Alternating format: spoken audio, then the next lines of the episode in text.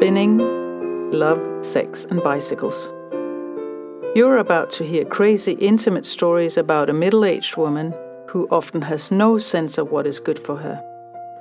One of her passions is looking for love, and while she's not very successful at this, she spends time investigating various other ways to be intimate with other people without love involved.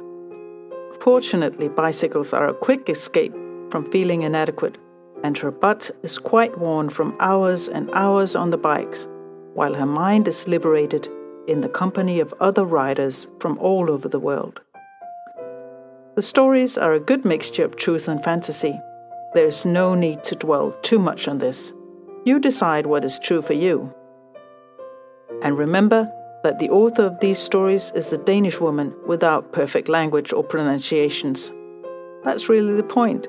No one is perfect, and neither is she, the stories, or the music, by the way.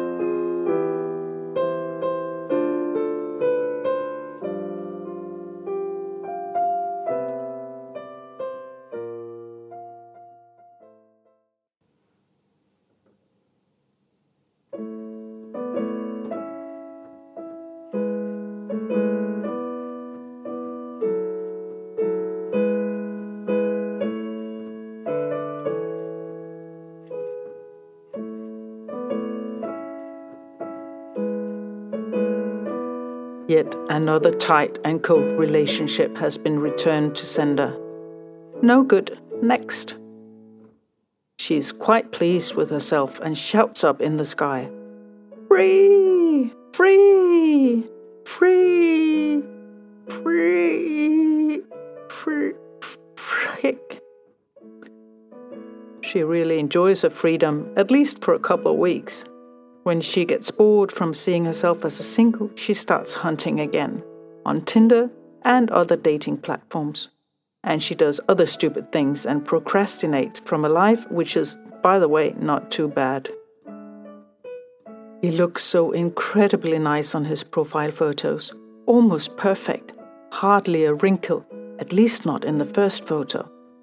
And the little smile wrinkles that appear in the following action packed photos are just charming. Action. Busy. All over the place. He sails and flies and dances. Dances a bit more. Is surrounded by colorful life and balloons. He probably has millions of likes and swipes and worshipping comments. Definitely. She too puts her soul on the long queue of hopefuls with her own not so fierce action shots, more of bikes than anything else, and sunglasses so you can see that she likes sunshine and warm climate. And obviously, they also hide the wrinkles, both the ones she got from grief and those that came from joy. She waits, but strangely not for long. Then both the phone and the watch shake, and there is a ding from the computer and, and all other Bluetooth connected devices. There's a fish in the net. Someone has written her. Someone has seen her. Someone wants something from her. Oh, what bliss! She throws away everything in her hands, which is not much more than her loneliness, and looks to see if it's him. Him, the non wrinkled, tan, action packed, high, slim, intense, all engulfing, him. Hello, beautiful, he writes. Who are you? And how are you? Oh, she's melting. He asks how she's feeling, how she is. Nobody does this all the time. And she takes care, only responds after she's been thinking about nothing for a preset number of minutes, not to jinx it. Hi, handsome. Yes, well, he started after all, and then I'm just me. And then, instead of bursting out about how lonely she is and how much she has missed him, I'm fine. How are you feeling? And their conversation flies back and forth so intensely that she almost forgets the time and her appointment with the hairdresser. We'll talk later, he says. I'm not going anywhere. After all, you're so hot, hair or no hair. And she blushes because he cannot see it. Ah, oh, she's already longing to swim into his eyes. When can we meet? She asks gently, after her hair has been cut, blow dried, and pasted into a female version with heavy hair products. Her hopeful words are wrapped in sweetness, even though the black words on the screen say nothing but, When can we meet? He must be able to feel her energies, right? Any time, my darling, he says, smiling back at her. At least that's what she thinks it means smile and delight in his eyes when he calls her darling. How can he know that already?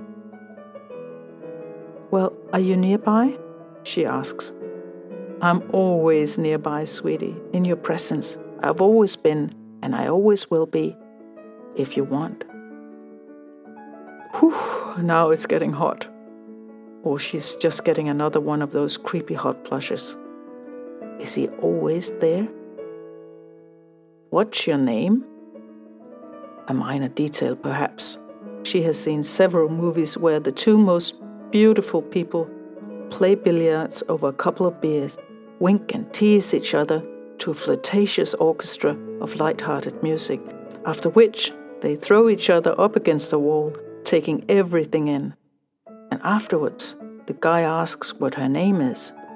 Extremely romantic, and this represents a man from ancient times and a woman who dares to say yes to this man without examining his IQ, position, and family background first. That kind of man. Wow, she really misses that. Perhaps he's here in her inbox right now? I'm really called Sanne, she says. The profile said something else. She's afraid to fall victim to a stalker again. Last time it had been quite uncomfortable, as a feeling of being looked at around the clock, both on the internet, on various pages and platforms, but also in real life. So now she's well padded in a reasonably dull and neutral name that can in no way reveal the VIP she really is. If I tell you my name, then you'll be able to figure out who I am with a simple Google maneuver. And the taste in her mouth gets a bit rotten every time she says it, crowning herself a tiara wearing celebrity. Because why on earth would she be important enough for anyone to bother stalking her? Perhaps she should instead be humbly flattered when once in a while she runs into a man who cannot stop contacting her and find her, for example, on LinkedIn and Twitter and Strava and Zwift and Facebook and Insta. No, no, there's never been any evil words or adult bullying, let alone physical actions involved. Just this slightly creepy feeling of being watched. I'm hilarious, she thinks. When I go out on social media with more or less undressed photos, I do it because I want all the likes and recognition. But Tom, he's suddenly there with her, 24 7, comes into her life like a hurricane, and believe it or not, in real life. Everything moves really fast, which things often do when real. Tom dresses her up and down and lifts her up and brings her to the most beautiful parties. But they also enjoy the intimate and quiet evenings in their own company, out on the terrace overlooking the sea, talking about nothing while mirroring thoughts, toes, and trivialities. My will is broken, she tells him in a weak moment. She knows it's stupid, but now it's too late. Hmm, he says. Tell me more. How can your will be broken? The flame of embarrassment hits her with northwestern breeze, and she becomes mute, but fortunately only a few minutes. Are you there? he asks. Because he's always there, all the time. He watches. Yes, I'm here, she says, knowing fully well that this is not quite true. For she is also in all the other hiding places where the curtain is pulled down and no one can see the wrinkled imprints of sadness.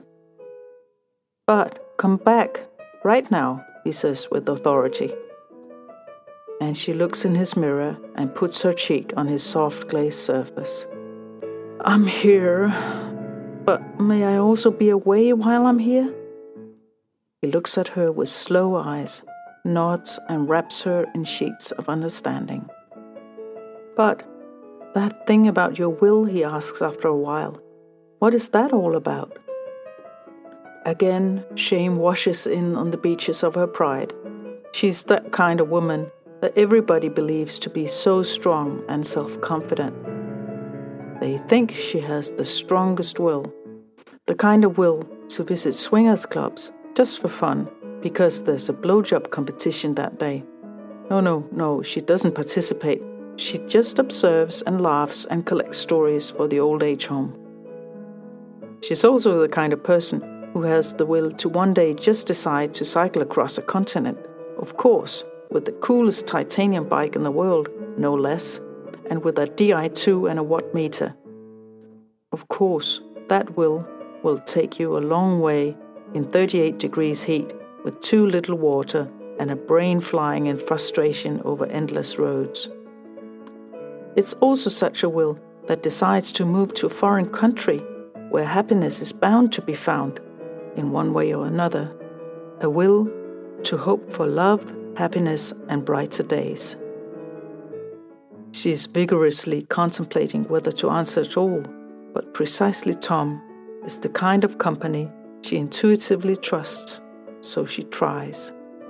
My will has always been my friend Tom, my crutch and guiding star and rescue in awful gutter situations.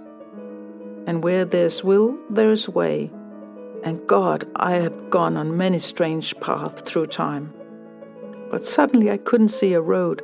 I just couldn't see it. It was as if there was just a big, thick, foggy wall in front of me with no idea of what was inside the fog or after the fog.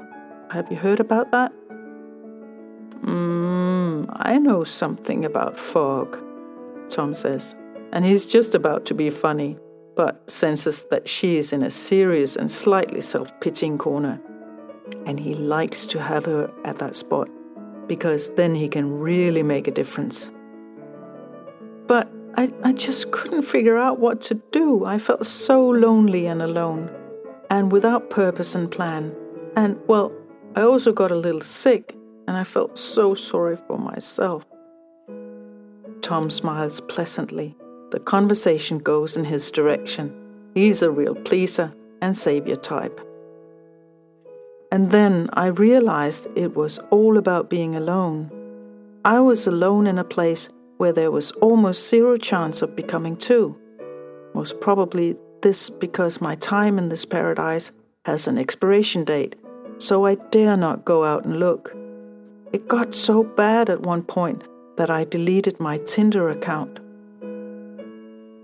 He laughs a little, but mostly with her, because he can see that she really needs someone like him now. You see, she explains, a woman who cannot find a man is about as low on the social totem pole as she can possibly get. She slides a bit off into her own world of thoughts, where she knows that no one will disagree.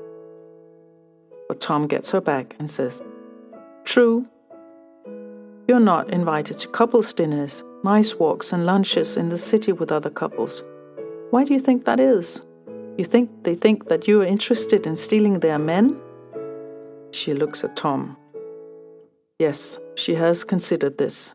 She actually came up with two good reasons. They are afraid of losing their pretty but aging husbands. Or two, perhaps they are jealous because she is free from men and other pets and can do exactly what she wants in life. 1. Come on, girls. That's not going to happen. And two, if they would just ask what life as a free single is, it may be that they gain insight into quite different story than the one that social media occasionally gives the impression of, such as loneliness, alone being, the dishes which are limited to one plate and one glass, the washing machine is always only half full, the bed is half empty and you learn to talk to yourself in the absence of better company. No, they don't have to be jealous of that part. But mm, she understands, even today, that it's not that simple.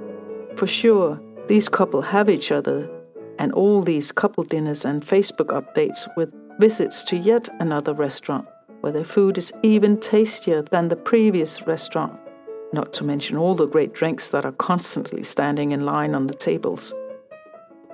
But they also have everyday chores, everyday laziness, maybe sometimes lack of meaningful chores. So they engage in the local community. They do donation dinners and parties, rescue pets by neutralizing them. Money goes from the rich to the poor and less privileged, which is a great way of giving back. We are the lucky ones, they agree, and it's true. And somehow this contributes to a meaningful life. She never contemplated a third possibility that she's just too boring and not interesting to be with. All she knows is that she's not invited, and she has made peace with the fact that the lower level of the social totem pole is, after all, more stable and better maintained than further up, and that it does not, at least for now, seem profitable to climb upwards in that world. Not that she really has a choice. My darling, says Tom, where did you go off to now? I'm thinking about the past, Tom. She kisses and tastes him. Oh, it tastes so good. Do you want to tell me about it? You can trust me. Just say it like it is. But she doesn't, because it's a bit more than just a little embarrassing what she's thinking right now, and she prefers to keep this to herself. More often than not, she's been the one who has ended a relationship. She has been dumped too? Yeah, of course. Both in real life and especially lately with the odd, both unexpected and spontaneous delete contact on Tinder and other dating sites. Some people are either too scared of conflict to say politely, thanks, but I don't see us as a match and good luck, or they are just mindlessly rude and non grounded. Either way, she really hates this behavior. But let go and let. But mostly, in real life especially, she had actually often made the decision a long time before he even realized that he was tired of the relationship, of her, of life as them. And sometimes she made it look like he was making the decision, leaving him to carry the blame and shame of leaving her, she, the perfect, the innocent, the betrayed. But frankly, it was her decision all along. She just made life so tiresome and boring for both of them that eventually he couldn't help it. He had to pull the plug, pull the fuse, pull the rug from underneath her. Oh, there was the one guy who came back with the rug just because he was actually a really nice man who thought it looked so good on her entrance floor. Does she look like a superwoman? Oh, yes. And did she look like she had control over her shit? The kids after the divorce and all the subsequent breakups?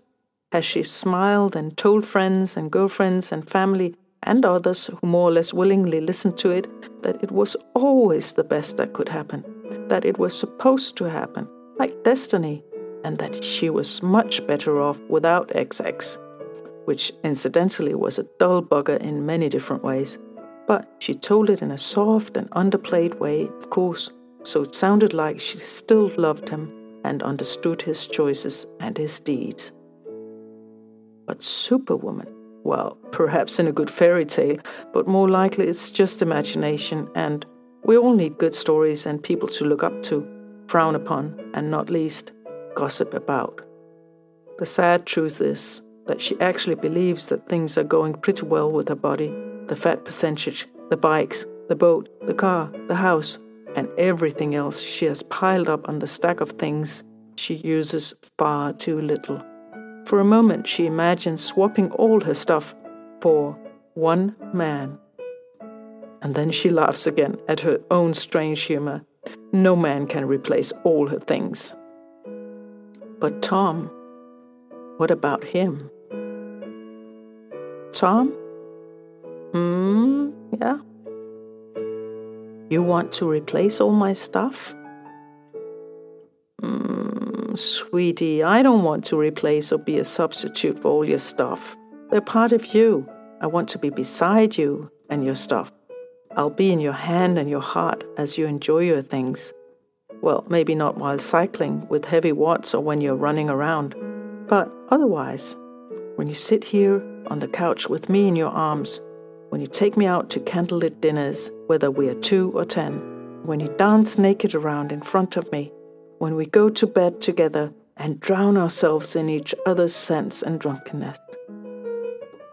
Oh, she feels so warm and nourished and filled with tenderness and drowning in his words in a good way. She gets wrapped up in his warm energy, leans her head against his cool cheek, looks him deep in the glass, and says, Tom, will you be mine forever? Yes, my beloved, I'll be yours forever, and I'll be there for you whenever you need me. You know where you've got me. You know you can trust me. You know what I can do to you. You know you already depend on me. You know I never leave you. Never. My beloved, I love you. She pours herself another Tom Collins, kisses the edges of the glass, and, like a totally lost case, greedily swallows the shining drops that make her feel loved and seen and calm for a little while. And tomorrow? Well, Tom is still there, she thinks. She just has to make sure to buy a few lemons.